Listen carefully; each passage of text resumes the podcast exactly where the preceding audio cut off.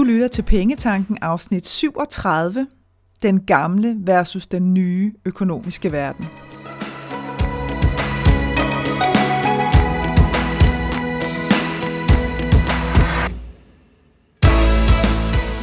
Velkommen til Pengetanken. Jeg hedder Karina Svensen.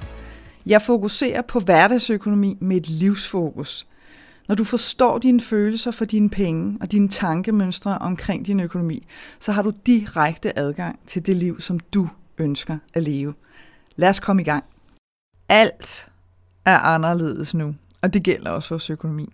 Og for sådan en nerdy nerd som mig, så er det mildest talt skidespændende, den her fase, som øh, både vi står i, men også som vi går ind i.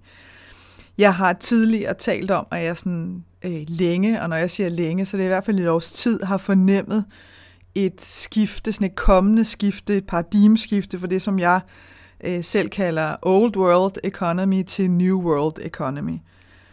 Det skifte, det er bare ikke længere på vej. Det er her, og det er her lige nu. Og det betyder også, at i virkeligheden så er du æresgæst ved denne her fest, som det faktisk er, når først vi begynder at forstå helt præcis, hvad det her New World Economy rent faktisk går ud på. Fordi hvis du tør rejse dig for alvor og tage magten tilbage over din økonomi, og det ved jeg, at du tør, fordi ellers vil du slet ikke lytte til mig, så er der nogle virkelig fede muligheder derude for at indrette dig og din økonomi på nogle helt, helt nye former og måder.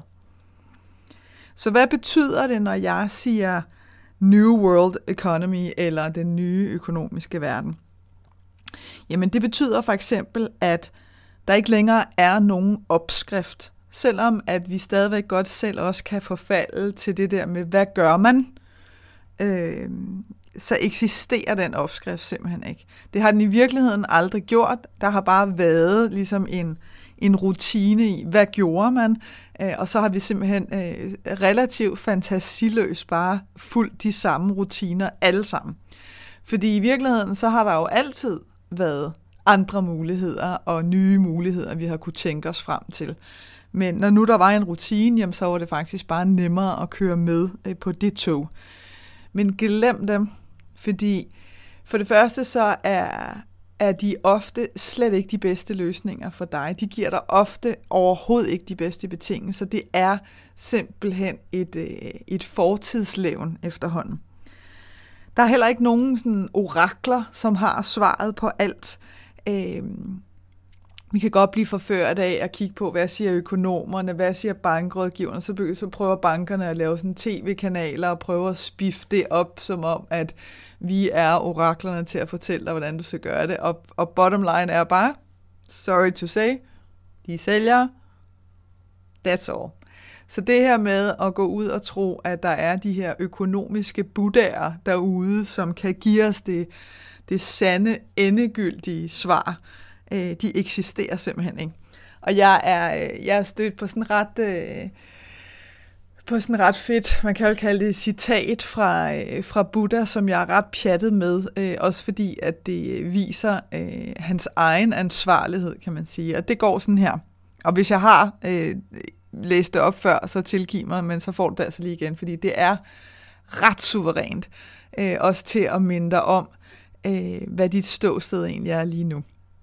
Og det Buddha han sagde, det var, Believe nothing, no matter where you read it or who said it, even if I said it, unless it agrees with your own reason and your own common sense.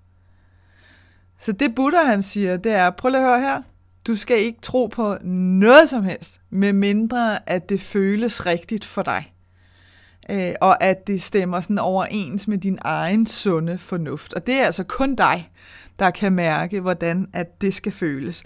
Så ligegyldigt om, øh, om andre de står og bræger op og ned og stolper om, hvordan man gør det, og hvad rutinerne er, og hvad der er rigtigt og forkert, så kan du ikke bruge det til noget som helst, hvis ikke at det føles rigtigt for dig.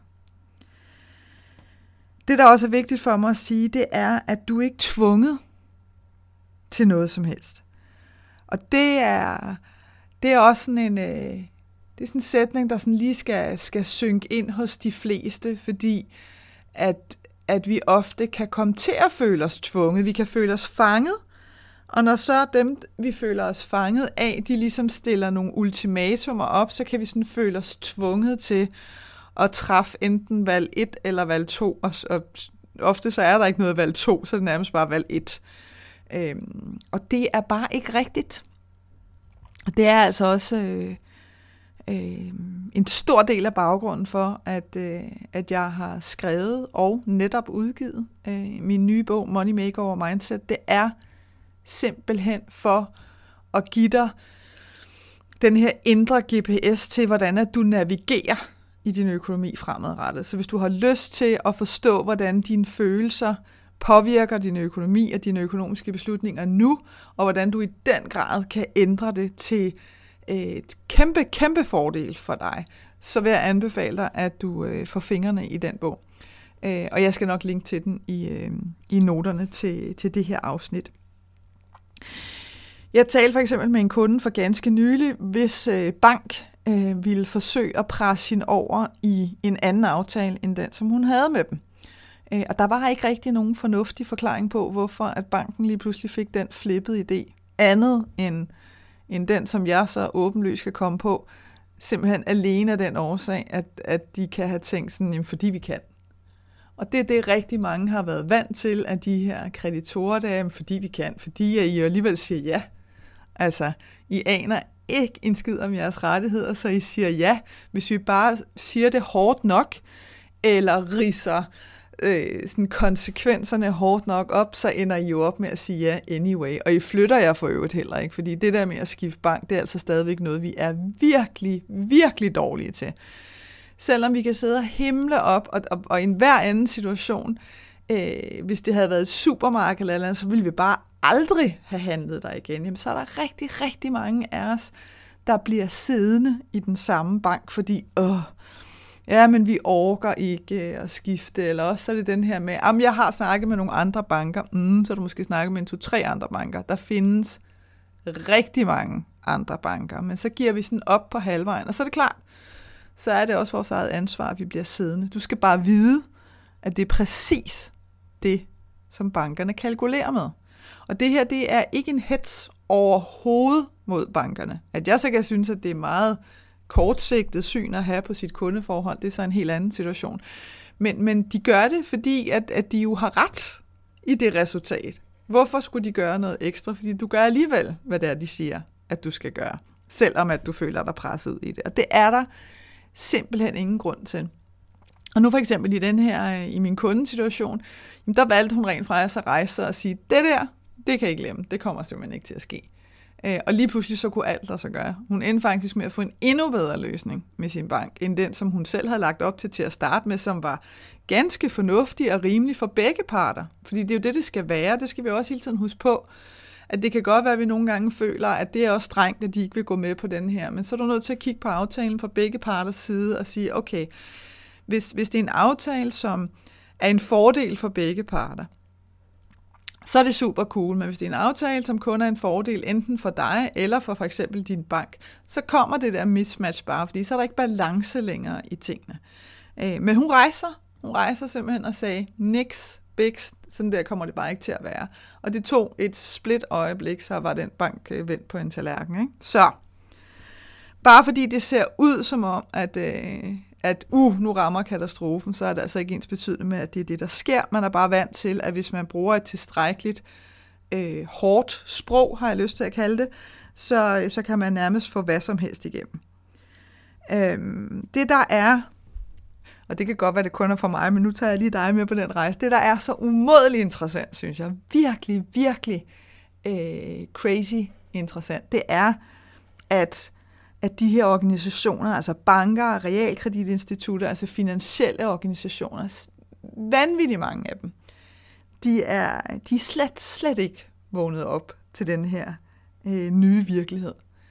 Øh, og det seneste eksempel på det, det er, det er Realkredit Danmarks øh, forhøjelse fra de her 5% til 10%, hvis du skal købe din egen bolig. Og det kommer jeg faktisk øh, ind på i et øh, eksempel om lidt, så det kommer jeg ikke til at gå i detaljer her. Men det er bare et sådan helt et klasse eksempel. Så tak for det, kan jeg næsten lyst til at sige til Realkredit i Danmark. Det er simpelthen et klasse eksempel på, at de her organisationer, de slet, slet, slet ikke er vågnet op til den nye virkelighed, som vi altså står i lige nu. Det er ikke noget, der er på vej.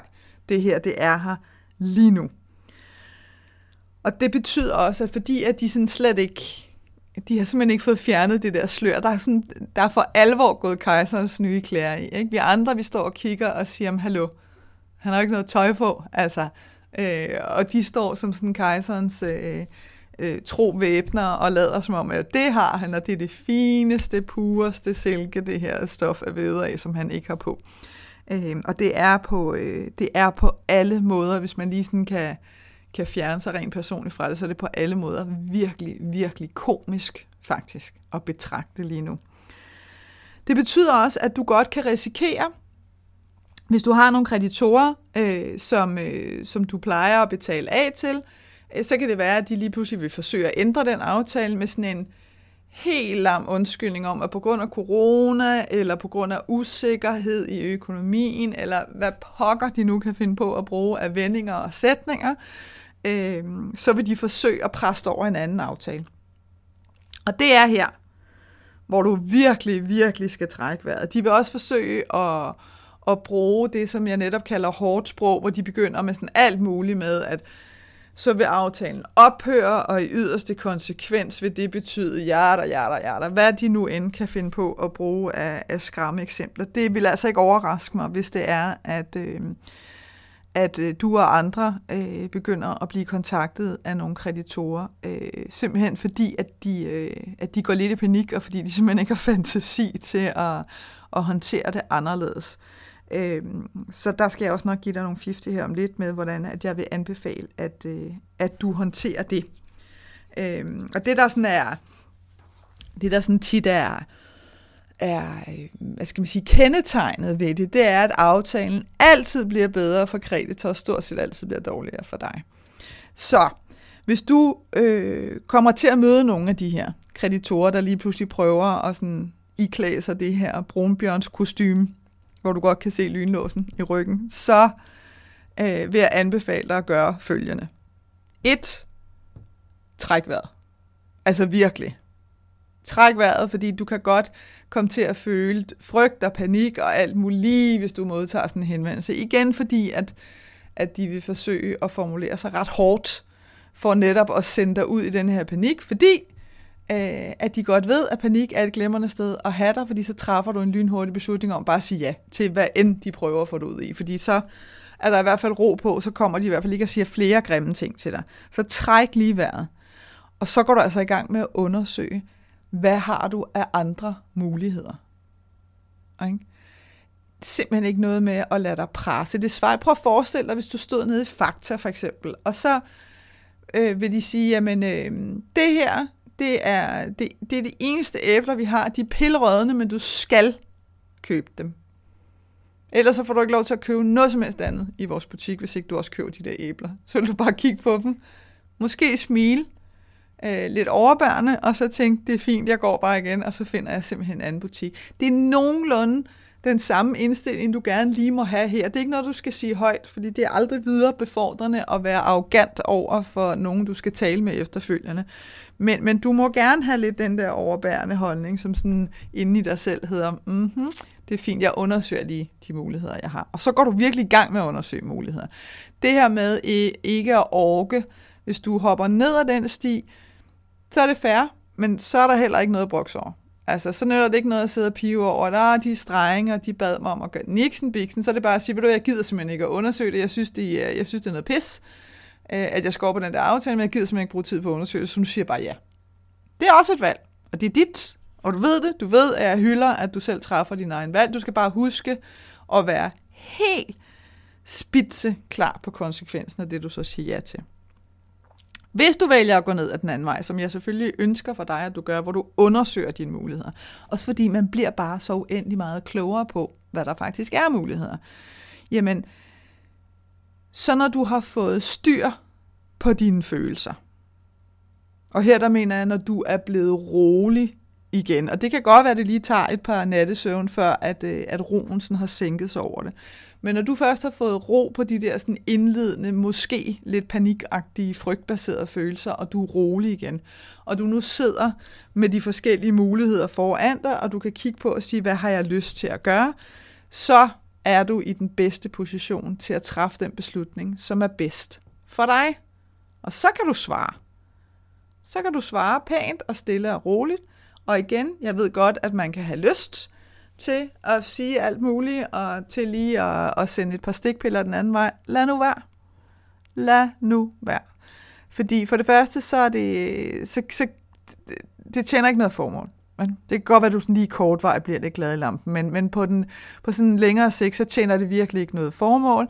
Og who knows, det kan være, at du en dag øh, har lyst til, hvis, øh, hvis den her kreditor lige pludselig begynder at, øh, at opføre sig som, øh, som en organisation, du rent faktisk har lyst til at handle med igen, så er det bare så kikset, at der, øh, at der er sådan en bad vibe imellem jer, fordi du ikke lige kunne lade være med sådan lige at, at fægte lidt tilbage. Så lad være med det. Du kan skrive det, og så sletter du det, inden du sender mailen. Ikke? Eller også så skriver du det i et Word-dokument, og så giver du den gas der med alt, hvad du kan, og, og så sender du aldrig det til nogen. Det er også måden at få det ud på, inden at man sådan får omformuleret sig og sagt, okay, så har vi sådan en lidt pænere variant her. Det, som jeg rigtig, rigtig gerne vil have, at du virkelig tager ind, det er, at det er virkelig dig, der er designeren over din fremtidige økonomi og af din fremtidige økonomi. Men du skal være klar på at turde tage konsekvenserne af de beslutninger, du træffer. Lad mig give dig nogle eksempler på, at der allerede er noget i gang ude hos os mennesker, øh, som gør, at, øh, at vi begynder at gå imod den, den her sådan old world economy mentalitet. Og det der også ligger i hele det der sådan old world, eller den gamle øh, verden af sådan økonomisk indsigt, det er, at, at vi netop øh, meget tit er blevet betragtet som sådan nogle marionetdukker igen, der bare siger ja. Fordi det historisk set rent faktisk har været det, der er sket, at når dem, der øh, angiveligt, det der har set ud som om, at dem, der har haft magten, ligesom har sagt, nu bliver det sådan her, jamen så har vi meget ofte haft en tendens til bare ret ind. Øh, og det er, det er bare, det er so, so last year at forvente, at, øh, at vi mennesker gør det, fordi vi er så færdige med det der med follow the leader og tro, at der kun er én vej frem. Vi har simpelthen vi har simpelthen for stor bevidsthed og for stor selvindsigt nu til, at det ved vi godt, at det er simpelthen ikke rigtigt. Og at alle mennesker, der udtaler sig, og det gælder ved Gud også mig, alle mennesker, der udtaler sig, er blot ét menneske med en holdning. Okay? Der er ikke nogen, der har den overordnede, endegyldige sandhed overhovedet. Den eneste, der har sandheden for dig, det er dig selv. Sådan er det bare. Men lad mig give dig nogle eksempler, fordi jeg sad faktisk og, øh, og, og havde sådan lidt, øh, jeg havde det faktisk lidt sjovt, men faktisk var jeg nødt til at begrænse mig, fordi der, der er ret mange. Så for at den her, de her afsnit nu ikke skal, bare skulle blive flere timer langt, så, øh, så var jeg nødt til at begrænse mig lidt her.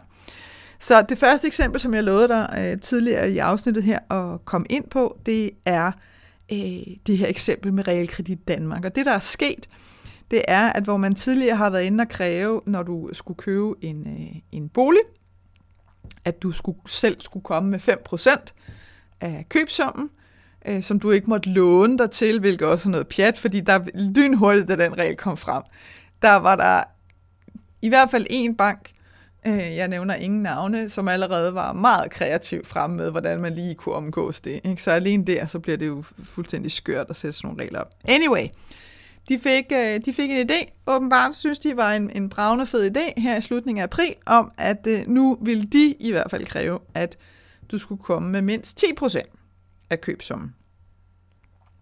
Og det der jo i virkeligheden er fantastisk, fordi de er en organisation, de er en privat organisation, de kan gøre præcis, hvad der passer dem lige i den henseende.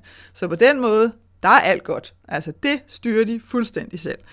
Øhm, og det, der faktisk er meget fedt for dig som mulig kunde, det er når de viser øh, sådan deres sande væsen så tydeligt, fordi det gør det så uendelig meget nemmere for dig at sige, nej tak, jeg har ikke lyst til at være kunde i en organisation, der så tydeligt er drevet af grådighed og en holdning om, at fordi vi kan.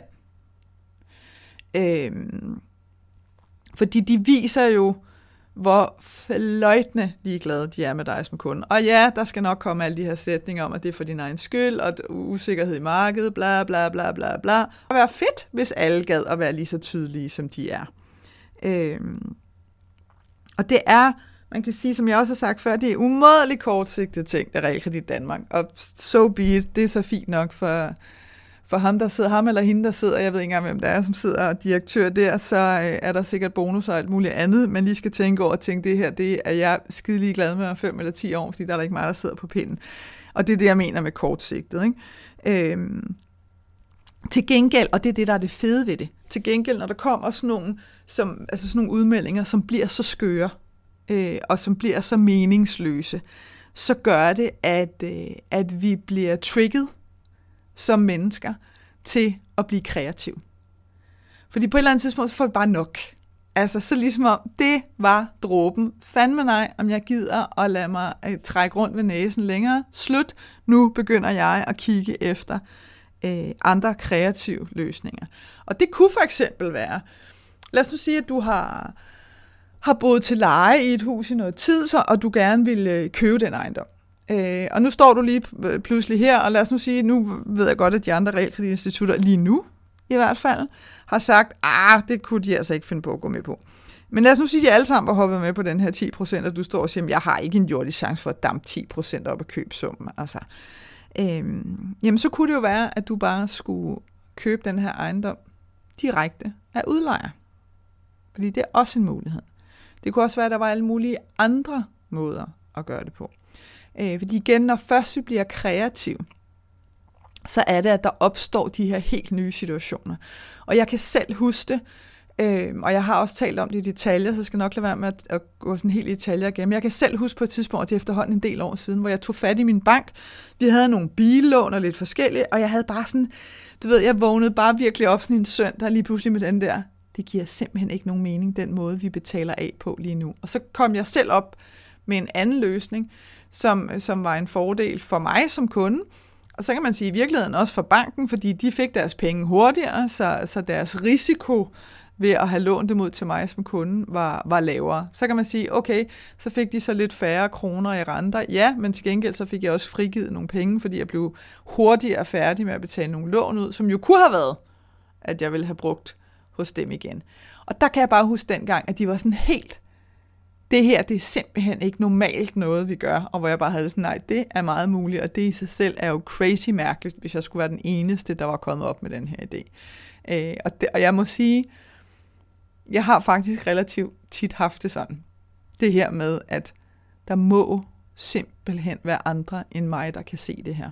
Øh, og det ved jeg også, at der er derude, men, men så kan udfordringen bare rigtig tit være, at at de ikke nødvendigvis har den baggrund, som jeg har. Jeg har jo trods alt huseret rundt i den her inkassobranche i mere end 10 år, så efterhånden, og fordi jeg bare er sådan en, en spørgebørge, altså jeg spørger og spørger og spørger og spørger og spørger, fordi hvis der er noget, som for mig virker mærkeligt, altså jeg simpelthen ikke kan finde øh, logikken i det, så bliver jeg ved med at spørge, og så er jeg fuldstændig glad. Altså, jeg er fløjtende ligeglad, om jeg for tiende gang skal sige, at jeg forstår ikke, hvad du siger, du er nødt til at forklare det for mig på en anden måde. Og jeg er fløjtende ligeglad med, om jeg sidder over for en bankrådgiver. Tro mig, det vil min bankrådgiver kunne skrive under på. Hun vil sige, ja, hende der, hun bliver ah, ved med ved med at spørge, indtil hun forstår det. Altså, det er helt vanvittigt meget irriterende. Og jeg er også stødt på svaret, der hedder, det kan jeg simpelthen ikke svare dig på hvilket jo er umådeligt meget mere rimeligt, end at sidde og prøve at padle løs i et eller andet knald. Så hellere sige, det kan jeg ikke svare på, fordi så kan jeg sige, så vil jeg gerne have, at du finder ud af det, før at vi går videre med den her beslutning, jeg skal træffe, fordi det der svar, det har jeg brug for, for at træffe den beslutning, der er bedst for mig. Så bare det her med, vi kan godt være kommet til at tro, at vi er dybt afhængige af realkreditinstitutterne og bankerne på den måde, for at for eksempel øh, kunne købe ejendom det er bare ikke rigtigt. Så gå ud og undersøg. men undersøg nu ordentligt og undersøg også konsekvensen for dig, hvis det er, at du ender med ikke at kan overholde øh, dine, dine forpligtelser om at betale. Det er hele tiden det der med at lige se øh, kontrasterne. Hvad sker der, hvis jeg overholder det, hvad sker der, hvis ikke jeg overholder det? Fordi så har du de to kontraster at basere din beslutning på. Så er der altså et andet eksempel, jeg har lyst til at give dig, det er Statoil. Det var, og nu blev den sådan genoplevet, jeg havde faktisk lidt glemt den, og så blev den faktisk genoplevet her til morgen. Øhm, så derfor så var jeg simpelthen nødt til at tage det eksempel med. Fordi her til morgen, der øh, kører jeg ind forbi en Statoil-tank for at købe croissanter. Øh, og hvis det er, at du har lyttet med i noget tid, så ved du, at jeg er, jeg er pjattet med croissanter. Slutfærdig. Øh, og, og det var lige, i dag var det lige den nemmeste øh, tank lige at, at sådan køre ind på og hente, og hente et par croissanter, fordi jeg skulle møde lidt øh, tidligt på kontoret. Og den søde, søde ekspedient, hun siger så til mig, da, da hun har givet mig min croissant, og så siger hun, uh, har du hørt om vores nye Mastercard? Øhm, og det havde jeg, fordi jeg havde fået brev, fordi jeg oprindeligt havde et benzinkort til Statoil. Men det skal jeg, det onde lyn med lov for, at, øh, at der blev lavet om på, fordi Statoil vælger at tage den beslutning lige omkring årsskiftet, øh, at nu øh, synes de, de har fået den her geniale idé om, at de vil tilbyde mig et Mastercard, og jeg har ikke brug for et Mastercard, så jeg har ikke lyst til at have et Mastercard. Øhm, og at jeg for øvrigt ikke kan bruge mit øh, benzinkort efter x antal måneder. Og der havde jeg det bare sådan, stop. Stop, stop, stop. Så i en bisætning var sådan lidt, men du kan selvfølgelig bare bruge dit almindelige kreditkort. Ja, men jeg gider ikke at bruge mit almindelige kreditkort. Fordi mit almindelige kreditkort er tilknyttet min egen konto, og, jeg, og, min, og mit benzinkort var tilknyttet min budgetkonto.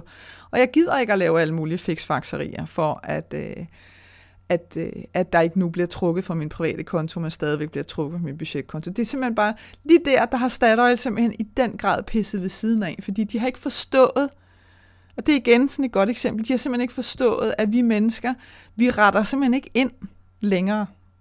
Altså, det der med at sige, nu er det her din eneste mulighed, så det kommer du selvfølgelig til at tage. Nej, det gør vi ikke. Og det kunne hun jo så øh, helt undercover, sjovt nok også, øh, bekræfte, hende øh, ekspedienten, i morges på tanken, fordi som hun siger, jamen, øh, der er faktisk rigtig mange, der siger ligesom dig, fordi vi havde en kort snak omkring det her med at blive presset ud noget. Og man kan sige, det som Statoil så fint kunne have gjort, det var, at de helt smukt kunne have sagt, vi har simpelthen fået muligheden for at tilbyde dig øh, det her øh, Mastercard, det synes vi er helt genialt. Og hvis ikke du har lyst til at tage imod det tilbud, så er du selvfølgelig stadigvæk meget, meget velkommen til at bruge dit vanlige benzinkort. Hvis de havde håndteret det sådan, hvis de havde gjort sig den ulejlighed og havde spurgt deres kunder, eller bare fremlagt det som en valgmulighed, så ville det have været en service så ville det have været en service, og for dem af deres kunder, som ikke i forvejen har et Mastercard, det er også nemt, hvor jeg tænker, har I simpelthen ikke overvejet, at der er en del mennesker, som allerede har et Mastercard, og som ikke gider at have et Mastercard til? Åbenbart ikke. Never mind. Men hvis de havde gjort det, hvis de bare havde tilbudt det, så havde det været en service. Nu blev det sådan et åndssvagt pres, som gør, at de har mistet ikke bare mig, men jeg ved også andre øh, benzinkortkunder, fordi enough is enough. Øh, og heldigvis er det bare sådan, at der findes andre øh, benzinselskaber i Danmark. Så det er rent faktisk muligt for mig, uden øh, større vanskeligheder overhovedet, at få benzin på min bil. Så igen, et lidt skørt eksempel på, at man tænker, det gør vi, fordi vi kan, og, og kunderne, de, øh, de kommer bare til at følge med. Nej, det gør vi ikke. Det sidste eksempel, som jeg har lyst til at give dig, fordi, og, og mere fordi det er en af dem, at man godt kan komme til at synes er lidt mere alvorlig, men som i virkeligheden er i den samme boldgade af helt åndssvage måder at, at betragte verden på ud fra den her, fordi vi kan, det er, øh, når en kassofirma vælger at sende øh, et udstående i fodretten, i håbet om, at bare det, at de skriver, at hvis ikke at du betaler efter det, som de vil have, du skal betale, så ender din sag i fodretten. Så håber de på, at, øh, at så betaler du. Og det er der desværre stadig rigtig mange, der gør, selvom de faktisk ikke har råd til det. Altså jeg møder eksempler på folk, som faktisk ikke har penge til at leve for, fordi at de er gået med på de her aftaler, fordi nu sagde en kassofirma noget med RKI, eller de sagde noget med øh, altså registrering i RKI, som jo står for hvad skal man sige, på en eller anden måde stadigvæk sådan det ultimative, det her med at være dårlig betaler. Og for rigtig mange vedkommende, så handler det i virkeligheden bare om, at, øh, at man ikke har forstået, hvad er den konsekvens egentlig. Øh, men det er en helt anden snak. Så enten så siger de sådan noget, eller også så siger de foderretten, og så siger mange af os, uh, det lyder meget farligt, øh, jeg må hellere bare sige ja, fordi så går det væk. Det der grimme sprog går væk, og så er de ikke så sure længere. Øhm, og det er jo helt hat, fordi du ender op med øh, måske ovenikøbet at gå ud og låne flere penge for at købe mad. Det er en kassofirma, flot ligeglad med. Det skal de basalt set også være, fordi det er ikke deres ansvar, det er dit ansvar. Men dit ansvar i den her situation, det er i virkeligheden at sige, ligesom min kunde gjorde til hendes bank, det kan du glemme, det kommer ikke til at ske. Øh, og så endelig fodretten, og så må man ligesom tage den der, fordi det der er så skørt, og jeg har set det, ja, jeg har simpelthen ikke talt på, hvor mange, mange, mange gange jeg har set det. Når så sagen er ind i fodretten, øh, og, og, og man står der i retten, og, og retten jo også bare nærmest har lyst til at ryste på hovedet og kredse sig, så hvad havde du forestillet dig? Altså, den her person er ligesom kommet med et forslag til en afdragsordning, som er ganske rimeligt, Øh, så det der med at forsøge at presse det op, det er simpelthen for åndssvagt. Altså, øh, så du ved, ja, du har ret til at sige, at, øh, at du vil fastholde, at det hele skal betales, og det kan jeg også sagtens, øh, det kan jeg sagtens afsige her i fodretten, at det er selvfølgelig rigtigt, hvis, hvis jeg, som den, der skylder penge, siger ja til, at jeg selvfølgelig skylder pengene. Det er bare ikke ens betydning med, at Kreta så får fem flade øre i den sidste ende. Og ofte, meget, meget ofte, så ender aftalen i fodretten med at være endnu dårligere for en kassofirmaet, end den aftale, som du måske selv har anbefalet til dem. Og det er jo igen sådan et åndet, skørt eksempel på, at hvis nu en kassofirmaet har sat sig ned og sagt, okay, jeg hører, hvad du siger, jeg forstår din situation, jeg kan ikke nødvendigvis godtage den her løsning fra nu af, og jeg al evighed, indtil du har betalt ud, men jeg kan i hvert fald godtage den det næste år, og så lad os prøve at se, hvordan at det ser ud til den tid. Det var jo også en valgmulighed. Øh, og jeg har set sådan nogle svar, men der er virkelig, virkelig langt imellem dem fra en kassofirma. Så her der er, hvis, hvis der sidder nogen, som arbejder i en kassofirma, så har, så har jeg virkelig, virkelig en varm opfordring til at sige, kom nu ind i kampen. Det er så lille en promille af dem, der skylder penge, der er pisselig glade og aldrig kommer til at betale tilbage. Langt, langt størstedelen af folk, der skylder penge, vil rent faktisk gerne betale deres gæld. Men det er jo nødt til at hænge sammen for bilerne. Så det var blot øh, nogle eksempler på det her old world economy mindset, kan man sige. Og så kan man sige, jamen, hvorfor er det så, at, at de her organisationer holder fast i det der old world economy øh, mindset eller mentalitet. Øh, når nu at det, det så småt er begyndt at gå for os andre, at ho, hmm, der kører sgu da noget kejserens nye klæder her, det skal vi da lige have stoppet med det samme. Og der kan man sige, at svaret er egentlig øh, så enkelt, at det næsten også i sig selv er skørt, fordi rigtig mange af dem, de lever vidderligt, altså de her organisationer, de lever vidderligt, vidderligt i illusionen om, at de ikke behøver at gøre noget anderledes, fordi det går jo meget godt. Så det er altså lidt, øh, det er altså lidt ligesom ham her, Saddam Husseins herrchef, som siger, nej, der er ikke, vi er ikke, øh, amerikanerne er ikke på vej ind, eller, eller så kunne man bare se de her amerikanske tanks i baggrunden altså køre ind i billedet. Det, altså, det var så skørt. Øh, og det er i virkeligheden lidt den samme fornemmelse, det her med, at nej, men det går jo meget godt. Den sætning er så blevet lidt mere skinger, men du ved, de prøver stadigvæk at holde fast i den. Øh, en anden del af svaret er, at, at mange af dem, som holder fast i det her, de er bravende ligeglade med dig som kunde. Fløjtende ligeglade, fordi du bliver alligevel. Så hvorfor går, hvorfor går vejen for at, at gøre noget ekstra, eller øh, for at servicere dig øh, særlig godt, fordi du er her jo anyway. Øhm, og så er der simpelthen øh, rigtig, rigtig mange af dem, som bare ikke har fantasi nok til at komme op med de her nye måder at gøre det på.